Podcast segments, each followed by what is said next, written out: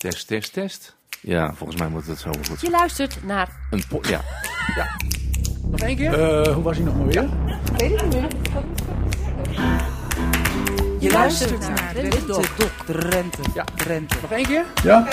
Je luistert naar Drenthe. Drenthe Doc. Een podcast van RTV Drenthe. Ja, Drenthe Doc. Een nieuwe podcast van de Drentse regionale omroep. En ik ben heel erg blij dat jij luistert. In deze podcast komen de mooiste Drentse verhalen die ooit zijn uitgezonden op Radio Drenthe. Mijn naam is Marjolein Knol en eens in de maand duik ik de radioarchieven voor je in en zorg er zo voor dat die ene documentaire of dat ene hoorspel ook als podcast nog eens te beluisteren is. Deze week een documentaire uit 2004, gemaakt door Margriet Benak. Het is een verhaal over schilder Evert Mus uit Anlo. Mus schilderde, aquarelleerde en tekende vooral Drentse landschappen in een naturalistisch-impressionistische stijl. Tot voor kort eh, kende ik zijn werk nog niet. En toen ik zijn schilderijen bekeek, waande ik me terug in de tijd ehm, van hoe ik me voorstel dat Drenthe er vroeger uitzag. Margriet, zeg ik dat zo goed? Of hoe zou jij zijn schilderijen omschrijven? Nou, eh, aan de ene kant zeg je het goed, hoe het Drentse landschap eruit zou moeten hebben zien. Maar Evert Mus, die voegde daar zelf wat aan toe, of die haalde daar wat eh, bij weg. Als hij het Drentse landschap niet mooi genoeg vond, dan liet hij het ook wel eens weg. Omdat er sommige eh, zaken in het landschap waren toegevoegd, waarvan hij dacht van dat hoort er eigenlijk helemaal niet. Dus ehm, hij schilderde ook wel eens de landschappen op eh, zijn manier, waardoor hij het perfecte landschap creëerde. En oh wee, als dat landschap werd aangetast, dan zorgde Evert Mus er met zijn penseel voor dat iedereen eh, kon zien hoe fraai dat landschap was en dat je er met de poten vanaf moest blijven. Margriet Benak interviewde Evert Mus drie jaar voordat hij overleed.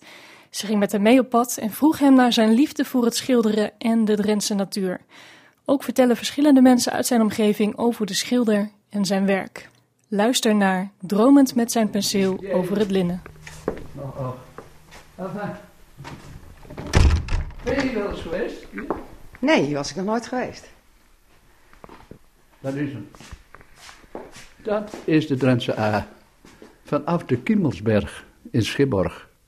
Dit is het totale stroomgedeelte tussen Schipborg en Oude Molen. Je ziet daar nog net even in de heel in de verte een molen. Dat is Oude Molen. Dat is een klein dorp. En als je nou goed kijkt, zie je heel in de verte links een torentje. Ja, Dat is het torentje van Rolde. Moet je je voorstellen, sta je hier op een heuvel. Je kijkt over een landschap. En je kijkt kilometers ver. Alles zie je. Alles behalve menselijke bewoning. Dit is allemaal natuur. Toen. En nou nog hoor. 1950 ongeveer is dit. En het wonderbaarlijke van dit landschap vind ik altijd dat het zo naar ons toegekomen is vanuit de oudheid. Je moet je voorstellen dat dit een landschap is zoals het hier geschilderd is. Nu wordt het al wat anders. Maar ja, alleen de mens kon hier wat mee doen. Hè? Dus dat was de boer en meestal kleine, kleinere boerenbedrijven. Dus die kleinschaligheid, die is er en dat is ook wel te zien. Als je. Oh, mijn wandelstok. Kijk, op de stroomrichting van die meanders, daar zie je steeds van die beboste walletjes die eigenlijk tot aan de beek gaan. Want dit zijn vakken van boeren die dus eh, daar of hun vee inzetten. Nou, er was nooit zoveel, een paar koetjes of zo.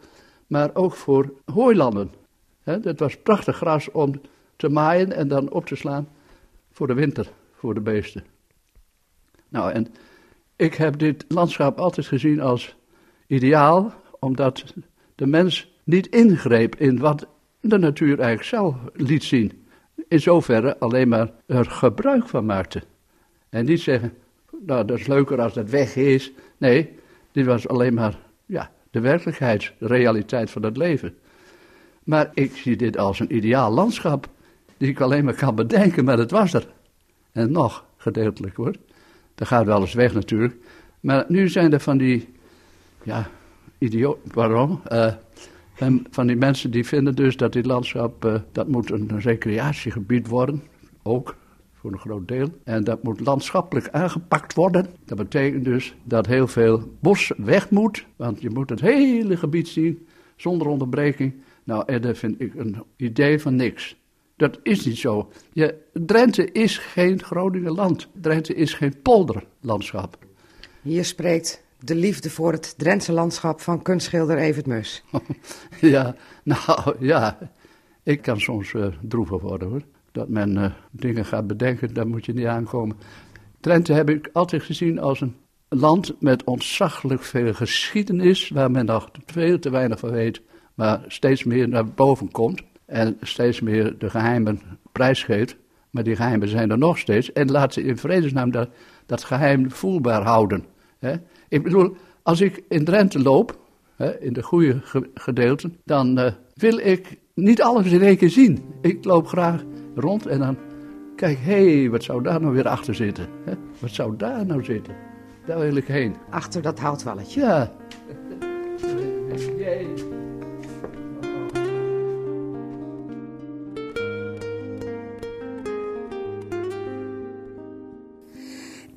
Ik ben uh, Ben van Voren en ik ben kunstschilder, woon te Ide. Ik heb, wat even Mus betreft, heb ik hem al heel jong gekend. Op de academie was ik de student, hij de leraar. Ik heb wel de, wel de avondschoolopleiding gedaan, waar Evert geen les gaf, maar Evert kwam toch geregeld kijken. Altijd. En ik heb altijd grote bewondering voor hem gehad. Voor zijn lesgeven ook, maar ook voor zijn werk. Even wist het altijd op een hele vriendelijke manier, heel beminnelijke manier, op je fouten te wijzen en wat niet goed was. Door het te hebben over wat wel goed was. En het andere te negeren. Ja, daar moest je zelf maar over nadenken. En dat was, uh, hij bleef vriendelijk. En zijn werk heb ik altijd bewonderd, want dat heb ik uh, gezien bij, in Groningen, werd altijd uh, zijn werk geëtaleerd bij Niesen, naar ik meen, aan de vismarkt. Er was geregeld iets nieuws van hem.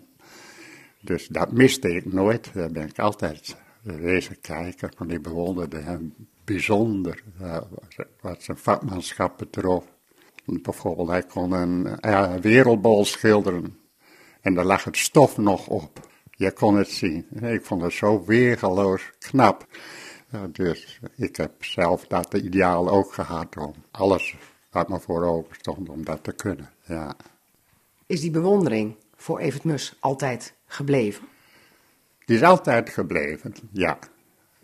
En even pas misschien in een iets andere tijd, maar heeft wel daarin, denk ik, de top bereikt.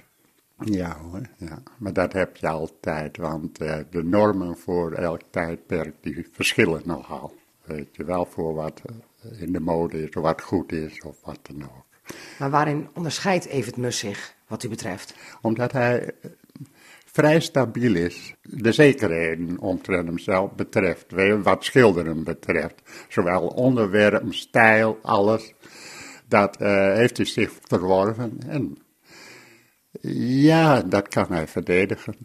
Wat is de Evert Mus-stijl? Daar heb ik eigenlijk nooit over nagedacht. Maar het is in elk geval figuratief, voor mijn gevoel. Maar het is ook verdroomd. Er is meer dan dat je ziet bij zijn werk. Het is een hele sfeervolle wereld die je dan ontmoet. Laten we zeggen, in sfeer driedimensionaal. Je ziet vaak modern werk en zo nu, en dat is absoluut plat. Je kan niet meer constateren dan dat wat er staat en hoe het gecomponeerd is. Maar er is geen diepte in. En dat had Evert Mus wel, altijd. En bijzonder interessant. Wat heeft Evert Mus, wat u betreft, betekend voor de Drentse schilderskunst? Ja, heel veel, denk ik nou, zonder even Mussenwerk was er minder Drents werk, eh, zonder meer. En, niet alleen dat, hij was ook bewogen met het Drentse landschap. Dat ging hem zeer ter harte. En verandering of vernieuwing, zoals dat heet. Of, Al die nieuwe wetse plannen, die leggen hem dikwijls niet, waar hij zich ook hevig tegen verzet heeft. En niet alleen in beeld, maar vooral in, in, woord ook. Ja, en met, soms met resultaat. Wat ik hem van harte gun, want je bent op dat gebied roerend bij de beens. Ja.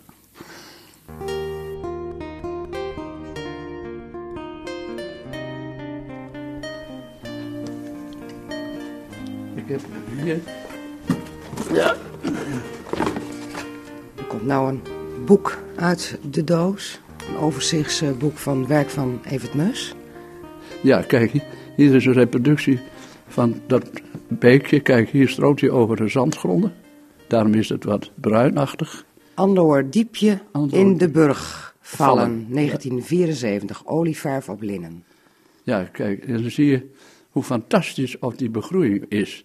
Die heeft niemand daar neergezet, die bomen komen uit zichzelf, hè. is toch schitterend.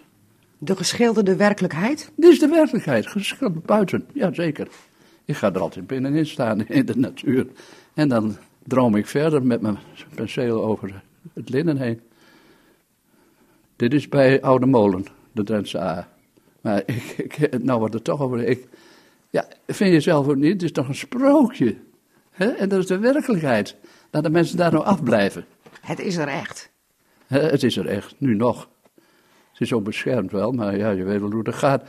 Als ze, ik heb zelfs stemmen gehoord van die landschap-architecten, dat ze willen dat er langs die beek aan beide kanten een pad komt. Dat iedereen er langs kan lopen, zo aan beide kanten. Nou, ik vrees het ergste, dat kan niet. Daar moet je niet langs lopen. Zie maar op een afstand, geeft toch niks? Waarom willen de mensen nou altijd met hun kont bovenop zitten? Wat heeft de stad Groningen toch met dat Drentse landschap? Nou ja, Want u komt van origine. ja, maar de stad Uit de Groningen... stad. Ja, de een stad- kruidenierszoon uit de stad die uiteindelijk Ja, in Drenthe neerstrijkt. ja, In Zeegs heeft gewoond, Schipborg, nu in Anlo. ja, maar de stad Groningen is eigenlijk, zeggen ze wel eens, meest geslaagde Drentse dorp van vroeger afgezien zelfs. Het- Het is het eind van de hondsrug. En waar ik dus geboren ben, dat is eigenlijk het eindpunt. Dat was bij de Kerklaan in Groningen. Daar heb je dus ook nog heuvels. Dat zijn restanten van de wallen die om de stad heen zaten. Maar die wallen waren niet meer nodig, hebben ze toch gespaard voor een deel. En dat tegenover woonden wij. Dus ik heb altijd naar zoiets gekeken. Een gracht ervoor, met visjes en zo, daar viel ik wel eens in. ja, is zo. Krabbel ik weer uit hoor. Nee, ik bedoel, Groningen lijkt wel heel, ja, heel hard. Maar dat valt ook wel mee hoor. Valt wel mee. Maar toch valt op de liefde voor ja, Drenthe. maar ik heb dus toch ook wel in Groningen gewerkt hoor. Maar ja, dat gaat dan, ja, dan gaat de deur uit een keer hè. Dat heb je nou eenmaal. Ik heb hier. Hier, dat is een aquarel die ik ooit gemaakt heb aan de Noordpolderzeil, provincie Groningen. Wadden bij Noordpolderzeil, 1938. Alsjeblieft, een paar jaar voor de oorlog ging ik daar toch al heen. Dat trok mij wel degelijk aan. En ja, maar ja, je hebt altijd een grotere liefde voor iets wat meer voor je betekent, hè. Op den duur. Kijk, dit is ook Groningenland. Moet je kijken. 1949, landschap bij Stedum. Ja, Maar uw liefde ligt uiteindelijk toch ja, hier, ja in het kijk. Drentse aangebied? Ja, hier heb je iets van, daar komt bijna niemand. Dit is toevallig nog iets waar een boer wel eens langs gaat met zijn, met zijn paard of karretje. En, eh, maar kijk, dat is toch, dat is toch een schoonheid van het landschap. Hè? Wat schilderachtig, moet kijken wat er allemaal maar groeit. Hè? Die planten die daar maar staan. Niemand heeft ze daar neergezet. De natuur do- doet het, hè. En daar kun je je lekker in vermijden. En in wegdromen. Ja. Maar dan zitten we te kijken naar werk in een boek. Terwijl er hier allemaal prachtige werken in uw atelier staan. Kijk, maar ik heb ook Frankrijk als liefde. Dit is in Frankrijk. Noord-Frankrijk, aan de je zien. Is dat niet prachtig?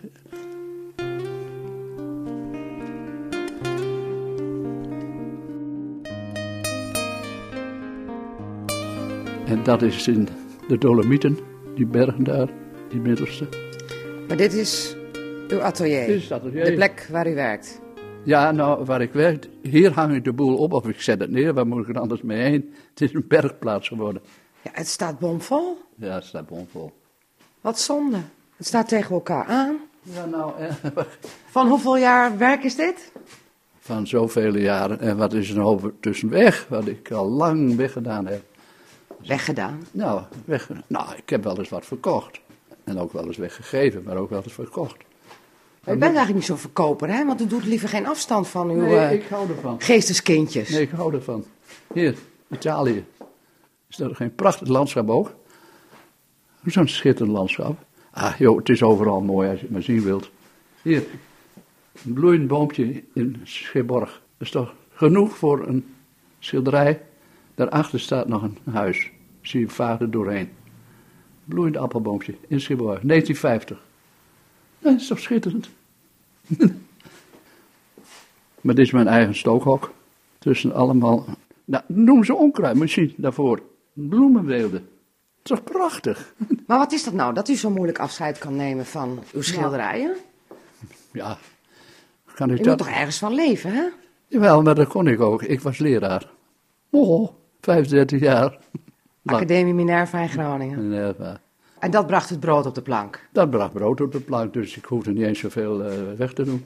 Nee, maar ik heb het idee, eh, ik kan ook niet zeggen welke stijl ik heb. Ik heb geen stijl, want het is steeds weer anders. Ik kruip erin, in dat onderwerp, en dan komt het van binnenuit, denk ik.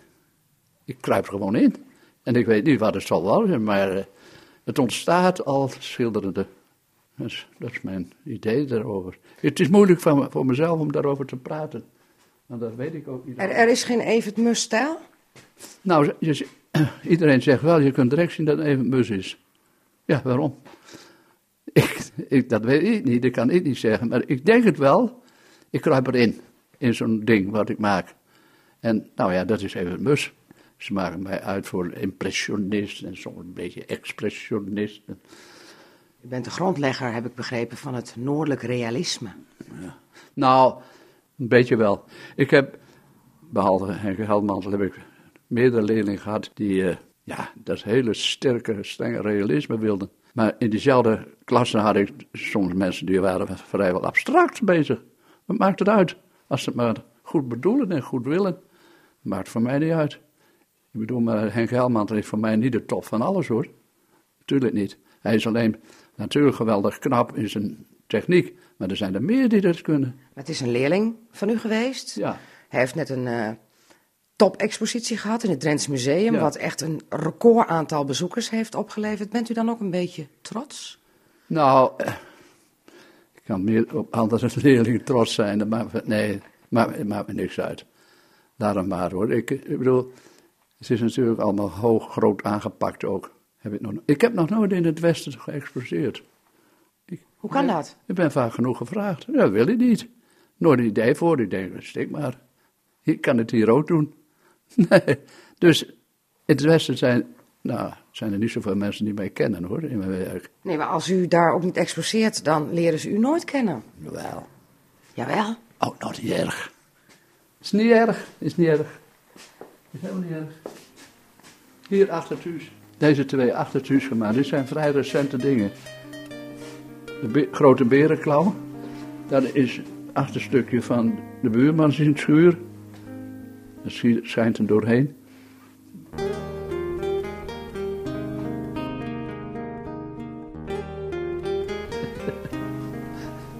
Maar de werkelijkheid is er ook, hè. Kijk, ik... eh, Zo'n schets, nou, dat is een, een krabbel van, van seconden, hè. Er zijn twee boertjes die zeggen, ga naar de Ja. Zuidloordermarkt. is toch ook mooi? Altijd bezig met schilderen. Alles is mooi en is... is- Als u iets ziet, denkt u gelijk aan, hé, hey, dat moet ik vastleggen. Ja, dat, als ik kans heb, dan wil ik dat doen.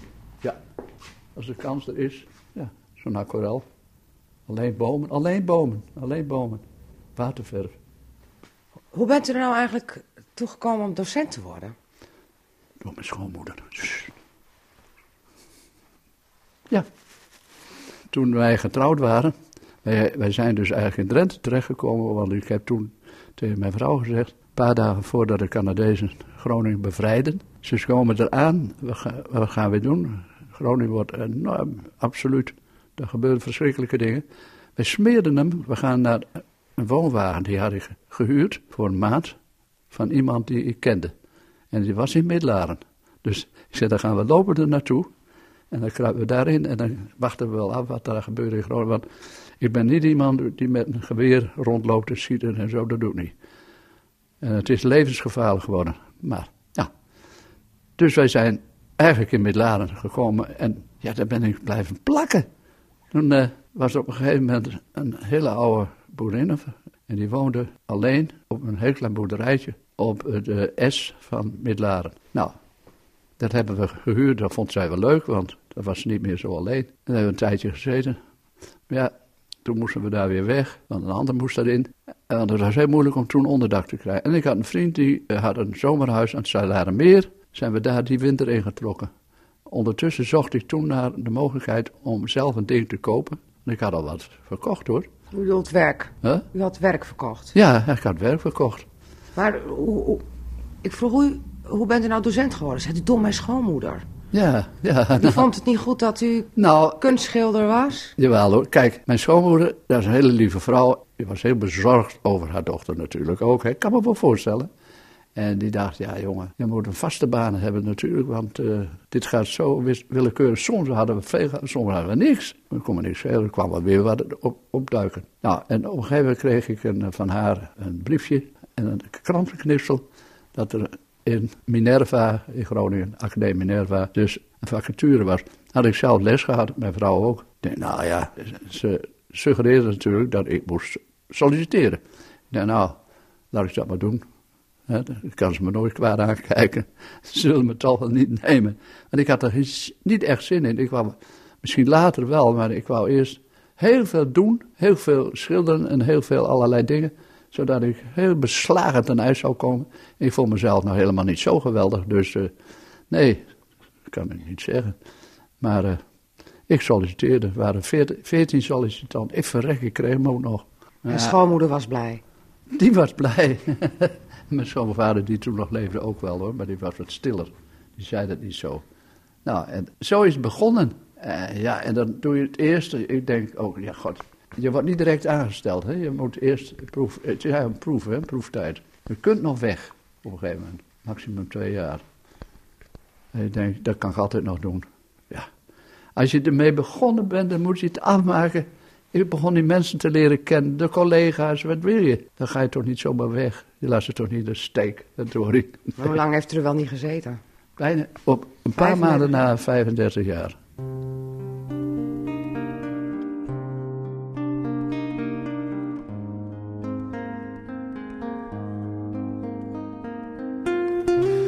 Ik ben Diederik Kruipel en ik ben ook 30 jaar leraar geweest op de Academie Minerva. En toen ik daar in 61 kwam lesgeven, toen was uh, Evert Mus, die was daar al. En uh, die heeft mij eigenlijk geïntroduceerd daar. In zekere zin heb ik mijn baantje aan hem te danken. Want uh, die directeur daar, die was toen de tijd ook directeur van de technische, technische school en de zeevaartschool. En die liet het benoemingsbeleid zoveel mogelijk aan de zittende leraren over. En de Mus die zag mij wel zitten, dus daar heb ik eigenlijk mijn baan aan te danken. En ik heb ook mijn hele leven heel goed met hem kunnen opschieten. We zijn eigenlijk een beetje, hij was eigenlijk het vervolg geweest op mij, want ik gaf in de lagere klasse, in de eerste en tweede klas les. En hij in de derde en vierde en het vijfde leerjaar, dat was er toen ook nog. En uh, dus uh, die mensen die ik met tekenen leerde, die gingen naderhand bij hem schilderen. En uh, zo liep dat en uh, volgden elkaar goed op. Er waren natuurlijk wel meer, uh, op den duur kwamen er meer leraren die in de eindfase schilderen gaven. Maar Mus is een hele belangrijke geweest. En die is ook een heel, ja, eigenlijk een, je zou een beetje een kunnen grondlegger van wat men wel eens noemt het noordelijke realisme. Daar is Mus in hoge mate een grondlegger van geweest. We hebben op de school nooit tijd gehad om uh, ontzaglijk uitgewerkte dingen te maken. U weet hoe het gaat op zo'n school. Uh, je zit in een lokaal en je stelt een stil leven op en de mensen schilderen dat. Maar daarna komt er weer een andere leraar. Met, want niemand heeft een volledige betrekking. En uh, Daarna komt er weer een andere leraar met een andere groep in. Dus in principe moet je eigenlijk in één of twee dagen een schilderij kunnen maken. Dat is een opzet van een schilderij. En dat eh, leidt een beetje in de richting van impressionisme, van grote uh, kleurvlakken. En dat leidt, leidt, ook in de richting van kleurbewustzijn. Hè? Dat je dus, dus schaduwkleuren niet zonder meer zwart zijn, maar dat daar reflecties in zitten van omliggende kleuren. Dat die dus groen of paarsig of blauwig kunnen zijn.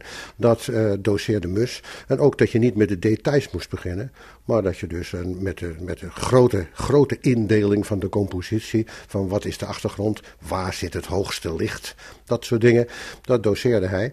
En daar kan iedereen naderhand in zijn, uh, in zijn leven op verder. Hè. Wie van school af is en wil geen impressionistische opzetten meer maken, maar zoals Helmantel bijvoorbeeld, dan heel fijn uitwerken, die heeft toch een, de grondslag op school gehad. Hè.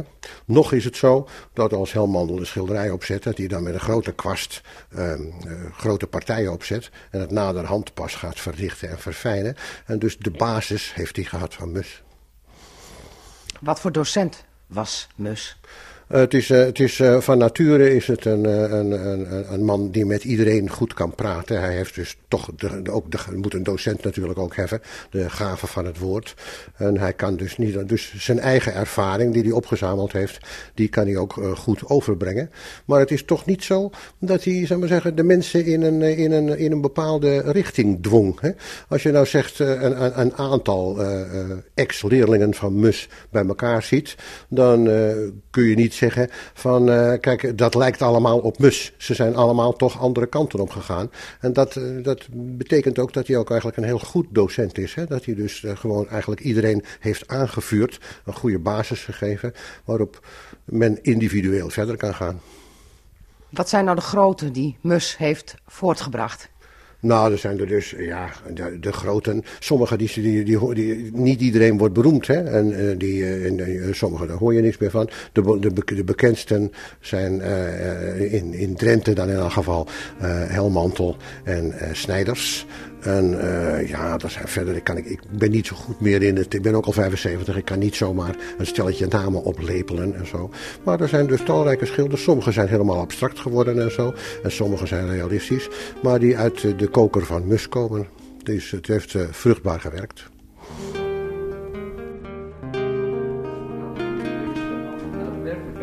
Maar als je nou zo'n ding ziet.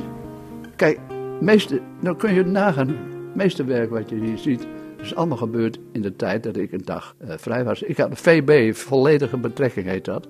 Betekent dat je 29 uur dag, dagschool en 3 uur avondschool, moet je nagaan, 32 uur. Dus dat, dat is de hele week door eigenlijk geven les. En dat is niet niks. Ik, heb, ik had niet een eigen stoel, dan wist ik niet wat dat was. Ik was altijd in de lokalen lopende bezig. Jongelui, hè, hoe uh, is het nou met jou? Hè? Wil het was of zo? En dan, ik was gewoon bezig met iedereen. En ik was er altijd. Enkele keer dat ik misschien dus heel erg ziek was, beroerd. Nou, maar dat gebeurt niet vaak hoor. Ik viel altijd in voor uh, collega's die ziek werden. Maar eigenlijk had u helemaal geen zin. Nee, Toch deed nou, het. En toen bleek het ook nog ja, het is, hartstikke leuk te zijn. Ja, uh, natuurlijk, maar ik, ik had die ervaring niet. Hoe, hoe gaat het als je het over moet dragen aan leerlingen? Het begon heel interessant te worden. Vooral omdat ik geen voorkeur heb voor iemand die iets doet wat net zo is als ik zelf zou doen. Ik vind dat uh, is mijn taak niet. Ik vind dus dat iedereen een persoonlijkheid moet zijn uh, en die kan natuurlijk invloed hebben van zijn leerkrachten, waarom niet? Maar dan moet hij toch wel weer vertalen. Hè? Er moet toch iets uh, inkomen, vind ik. Misschien is het ouderwets hoor, van de persoonlijkheid. Ik hou niet van allemaal gelijk. Moet niet aan denken. Daarom, je kunt mij niet ergens in, in, uh, in stoppen. Hè? Kun jij zeggen, dat is uh, die stijl? Nee, heb ik niet. nee, ik, ik weet het niet. Maar die vrijheid heeft u ook altijd overgelaten aan uw leerlingen? Ja, ja, ja. Maar wel met natuurlijk bepaalde kennis van basiselementen. Je kan het hebben over compositie, je kan het hebben over de kleurstelling, je kan het, over allerlei dingen kun je het hebben. Hè? Moet het wel stofuitdrukking hebben of hoeft dat niet? Gaat het alleen om dit of dat? Nou, en, dat is dus voor iedere leerling anders. En daar was ik altijd mee bezig. En dat maakt het interessant, maar wel vermoeiend. Ik moet zeggen dat ik altijd back-up was. Als ik thuis kwam, was ik geen cent waard. Ja, dat is zo. Zo is het wel. Maar vraag het maar aan mijn leerlingen hoe ze over me denken. Die weten het beter te zeggen dan ik. Ik weet namelijk niet hoe ze over me denken en, en wat dan ook. eh,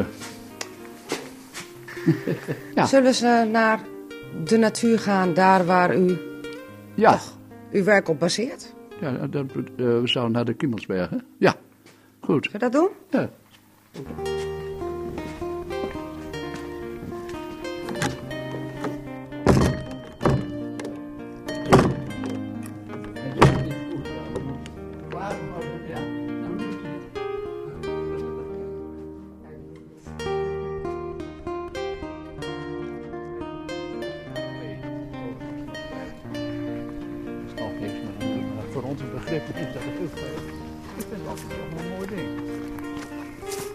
Zijn nu op eh, de Kimmelsberg, boven Ja. op de top. Boven op de top. ik moet hoesten. Ja, sorry. Dat is ook een hele klim. Ja hoor, zeker. Misschien wel 15 meter vanaf daar beneden. Nou, Een van de favoriete plekjes van kunstschilder Evert Mus. Ja, ik heb hier dus eh, vaak ook nog niet eens om te werken. Maar kijk, en het is nou al niet meer aan zo, ja, wat ik op dat schilderij heb gemaakt in 1950. Al voor 1950 was ik daarmee bezig.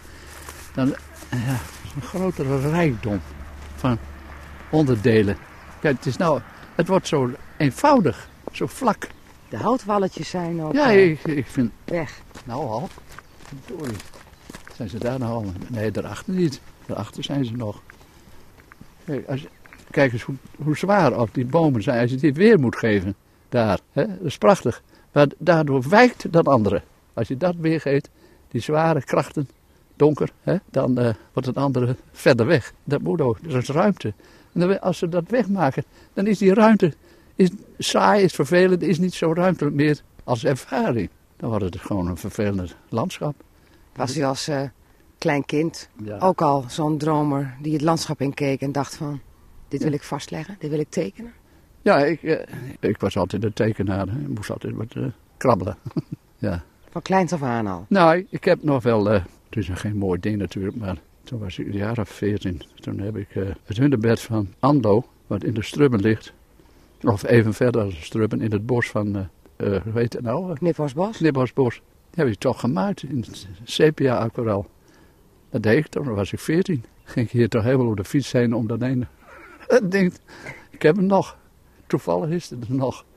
Ik zou het geen kunst noemen, maar het is wel typerend dat je dat doet. Hè? Wat vonden uw ouders ervan? Dat gekrabbel, dat getekend. Ik vind ze geweldig. Ze hadden een grote bewondering voor mij. Jawel. Ja, god, als je ziet, eh, ik was ook lid van een uh, en eh je had ook wedstrijden wie de mooiste tekeningen maakte. Hè? En na een jaar. En dat was een zaterdagmiddag cursusje voor eh, Jantje Beton. Hè? De, om ze van de straat te houden. Ik kreeg altijd de eerste prijs. Daar waren ze trots op. We kunnen ook zitten op de Voor mij hoeft Kimmelsberg. het niet hoor. Ja, kijk, dat is ook alweer. Hier hebben ze iets gedaan.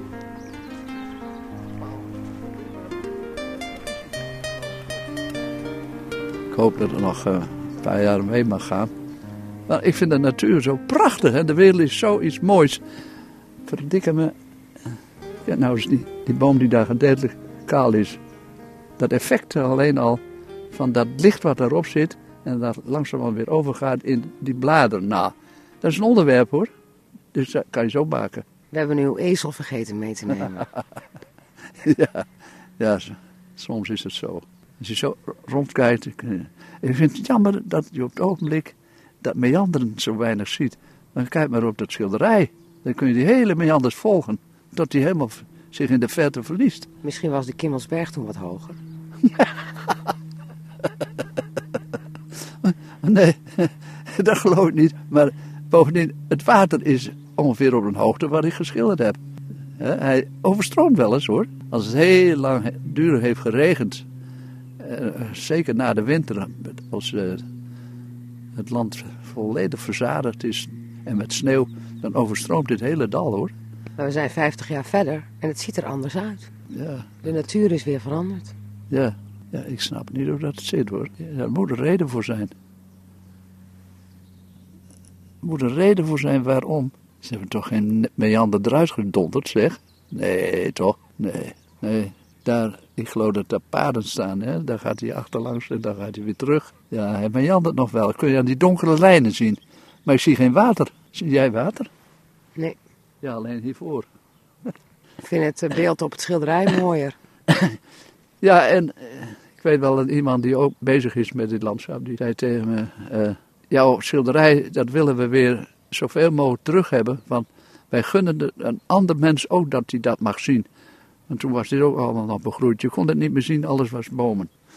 Ik zei, ja, maar je krijgt toch mijn schilderij niet weer terug. Je gaat je mijn schilderij toch niet nadoen? Dat kan toch niet? Dat heb ik ook nooit bedoeld. Over 15 jaar eh, is het weer veranderd. Hè? Dit- is geschiedenis. Maar dan moet u zich toch vereerd voelen als we zeggen, zeg Evert Mus, wij willen het Drentse landschap of de Drentse A weer terugbrengen zoals jij het in 1950 hebt geschilderd. Ja, dat, nou ja, dat, dat is mijn schuld niet. ja, ik heb het niet geschilderd met. Dan kunnen jullie dit later misschien nog eens weer zo zien zoals ik het nou maak. Ik heb altijd gedacht, dit gaat over. En dat zie je nooit weer. Dit kan ik nu vastleggen, dat ze later zeggen, zo was het toen. En dan kun je met respect kijken, wat ga ik er nou mee doen? Nou ja, dat doen ze misschien wel, dat ze daar nou naar kijken. Maar ik hoop niet dat ze te ver gaan. Dan hoor ik weer dat ze zeggen, ja, er is veel te veel bos bij de Drentse A. Dat moet helemaal open. Je moet alles wat daar in het dal zit, dat moet weg. Geen bomen. Dat hebben ze gezegd. Hoe vind je dat nou? Zijn ze nou gek? ja, dan wordt een saai.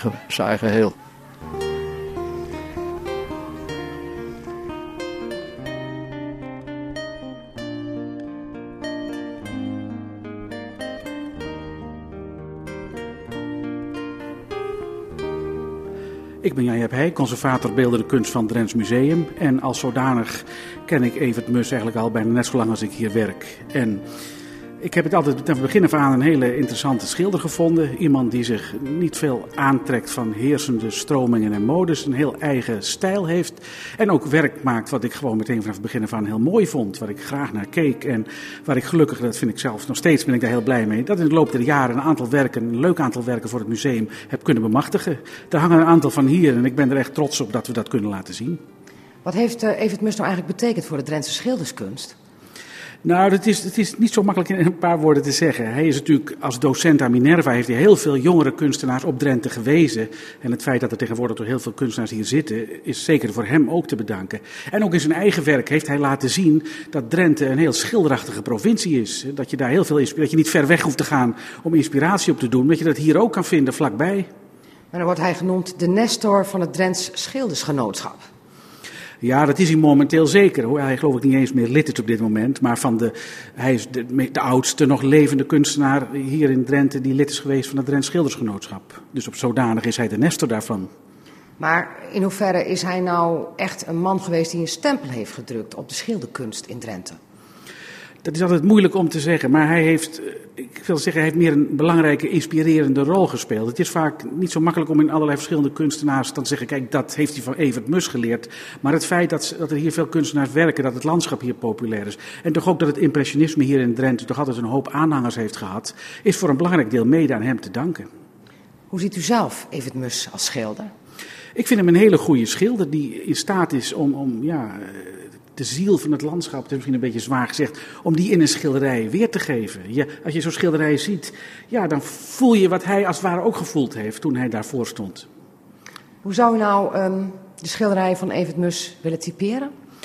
Ja, het meest voor de hand woord is impressionistisch. Hij is natuurlijk qua tijd geen impressionist, maar zijn manier van schilderen doet daar erg aan denken. Die, ja, die sfeer die hij erin legt, die manier van schilderen, losjes met veel kleur. Dat is toch impressionistisch nog steeds het beste woord om dat te karakteriseren. Heeft hij eh, de waardering gekregen die hij verdient? Dat is altijd moeilijk om te zeggen. Ik denk toch wel. Hier in Drenthe in ieder geval kent iedereen hem. Hij heeft de culturele prijs van, van Drenthe gehad. En ja, iedereen waardeert hem hier in de omgeving. En ik denk dat je dat als kunstenaar toch... Hè, dat er niet veel kunstenaars hier zijn die dat hem na kunnen zeggen. Maar hij is niet eh, regio-overschrijdend geweest uiteindelijk van betekenis. Nou, misschien van betekenis wel, maar zijn reputatie gaat niet veel verder dan Drenthe. Maar dat komt ook omdat hij daar zelf ook nooit zoveel moeite voor heeft gedaan. Hij was tevreden als mensen er hier uh, naar, graag naar keken. En hij gaf natuurlijk les aan Minerva. Dat, was ook een, een ja, dat kostte hem een hoop tijd. En hij heeft nooit zo, zich zo druk gemaakt om zijn reputatie, heb ik altijd het idee. Dat is Evert Mus? Dat is ook Evert Mus. Hij is een bescheiden man. En hij, hij laat graag mensen via zijn werk genieten van wat er hier te vinden is. Maar hij hoeft daarbij niet zo nodig zijn eigen persoon op de voorgrond te zetten.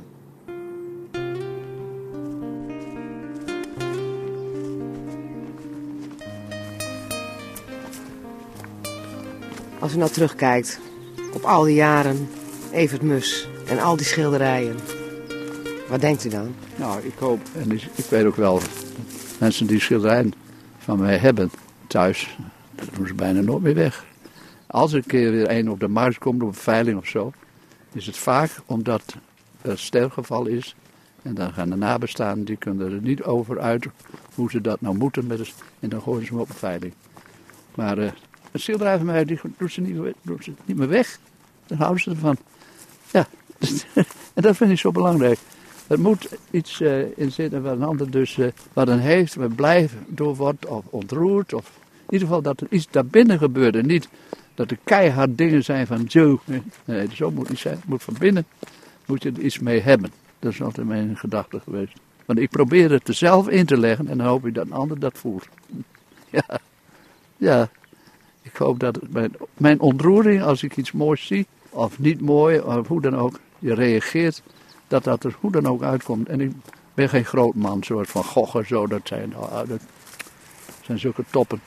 Maar ja, ja. Er zijn heel veel grote schilders geweest, maar ja. Ik hoef daar ook niet te zijn. Ik, ik hoop maar dat een paar mensen er heel blij mee zijn. Ja, ik moet niet opscheppen. Nee, nee, schouwvuur. Is een schilderij van Evert Mus een afdruk van de ziel van Evert Mus? Oeh, wat een dik woord. nou, het is heel mooi gezegd. Maar ik vind het wel heel sterk hoor. Ziel. Ja, wat is, is dat? Ja. Ja. Wat is voor u nou het mooiste schilderij wat u heeft gemaakt, ooit? Nou, wat Kruipoel een keer heeft gezegd, heeft hij ook geschreven. Het ene schilderij wat ik toen gemaakt heb bij Gasteren, van het vochtige weidje bij avond, wat ik toch puur uit mijn hoofd heb geschilderd, naar wat ik gezien had de avond ervoor. Dat noemt hij royaal een meesterwerk. Dat zegt Kruipoel. En ik denk ook, als je mij nou zou vragen wat zou het allerlaatste weg moeten doen, dan was die het. Die wou ik houden tot op het laatst toe. Dat is zo, ja, god. Niet die van het Drentse A? Hè? Niet die van het Drentse nee, A? Hoor, nee, nee, nee, nee, dat is, nee. Dan neem ik die zo meteen mee. nee, de Drentse A vind ik dus een heel andere gedachte ook waarom of ik dat deed. Hè. Ik deed dat om vast te leggen en zelfs zeer nauwkeurig. Ik heb eerst een tekening gemaakt, die hangt in het museum in Assen. Uitvoerige tekening. Ik heb hier heel wat uurtjes gezeten hoor. Met een lang stuk papier, met een pennetje. Alles genoteerd, alles. Nou, dat doe ik normaal toch ook niet. Ik, schilder. Hè? En ik laat niet iets weg, maar dit was mijn bedoeling om het heel topografisch weer te geven. Dat, daarvoor maakte ik die tekening. Dat ik later, als ik de schilderij van zou gaan maken, en dat is een paar jaar later gebeurd, dan kon ik helemaal dat weer schilderen, maar met de bedoeling de realiteit van nuchter kijken. Nou ja, daar zit natuurlijk toch nog wel wat in, denk ik, van sfeer, allicht. Ik heb ermee gevochten. En ik ben aan alle kanten opgeslingerd. Soms dacht ik toen dat ding maakte, moet het nou voorjaar worden? En dan ging ik dat ook doen. In die voorste bomen, het jonge blad wat er nou is, dat stond me niet aan. En soms maakte ik er herfst van. Alles bruinachtig. Stond me niet aan. Dat zit er allemaal onder hoor. Ik dacht, ik maak een schilderij waarbij je alles kunt denken, maar precies wanneer, dat kun je niet eraan zien. En dat alles, ja, zo is zoals het eigenlijk altijd zou moeten zijn. En dat is het geworden. Zoals het zou moeten zijn, dat de wereld stilstaat, dat het zo is. Hè? Het is. En niet het begin of het eind of winter. Nee hoor, nee. Zoals het is. En dat heb ik geprobeerd. Raar eigenlijk, hè? Ja. Ik wou iets uh, onbestemds eeuwig. Dat het altijd zo zou blijven. Alsjeblieft, laat het zo blijven. nou, Dat is de eerste keer dat ik dit zeg. Ik heb dat nooit aan iemand verteld. Nee. Dat is zo. Dat is waar.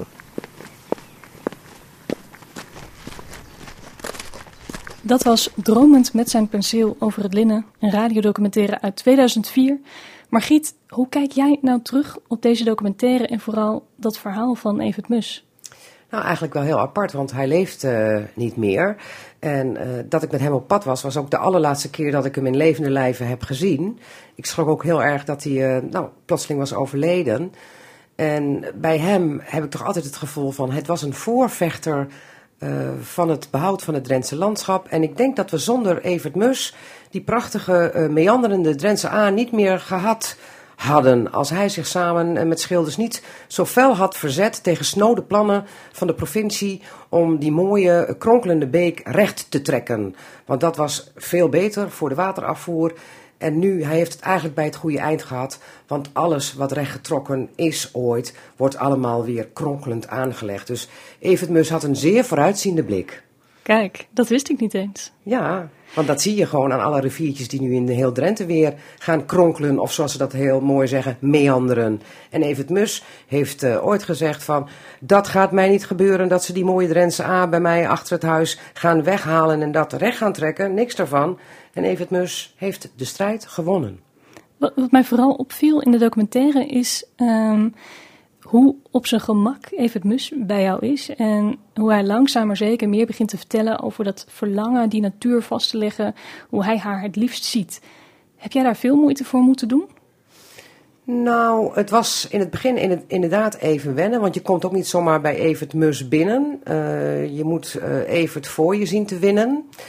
Maar um, toen ik gezellig met hem aan het koffiedrinken was, zijn vrouw Do leefde toen ook nog. Toen merkte je gewoon dat er al uh, heel snel een drempel was geslecht.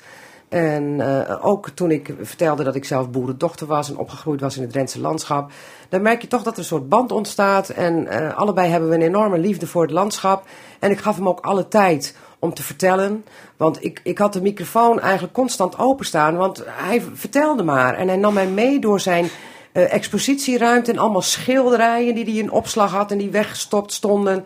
Uh, die moest hij allemaal nog verzamelen voor een tentoonstelling. Dus op zich was er toen een soort natuurlijke band aan het ontstaan over wat hij allemaal geschilderd had, uh, waar hij dat geschilderd had, waarom hij het geschilderd had. En uiteindelijk was het hoogtepunt toch wel ook op het hoogtepunt. Dat was op de bult in Schipborg. Letterlijk. De, ja, letterlijk op de bult. Uh, het hoogtepunt. Wat niet meer zo hoog was volgens Evert als dat het vroeger was, want het was nog veel hoger. Het gezichtspunt van waaruit hij dus de Drentse A destijds heeft geschilderd. En wat een prachtige schilderij is geworden. Dit was Drenthe Doc, een podcast van RTV Drenthe, waarin we de mooiste radioverhalen nog eens opzoeken in ons archief en beschikbaar maken als podcast. Heb je tips voor ons? Dat horen we graag. Stuur een e-mail naar podcastapenstaartje.rtvdrenthe.nl en dan ga ik nog eens goed in dat archief graven. Vond je dit een goede of een mooie podcast? Vertel het je vrienden en familie en vooral laat een reactie achter. Want daar help je ons mee om beter gevonden te worden en om deze verhalen op zo'n manier aan nog meer mensen te vertellen. En dat hebben we natuurlijk heel erg graag. Jij bedankt voor het luisteren en tot een volgende keer.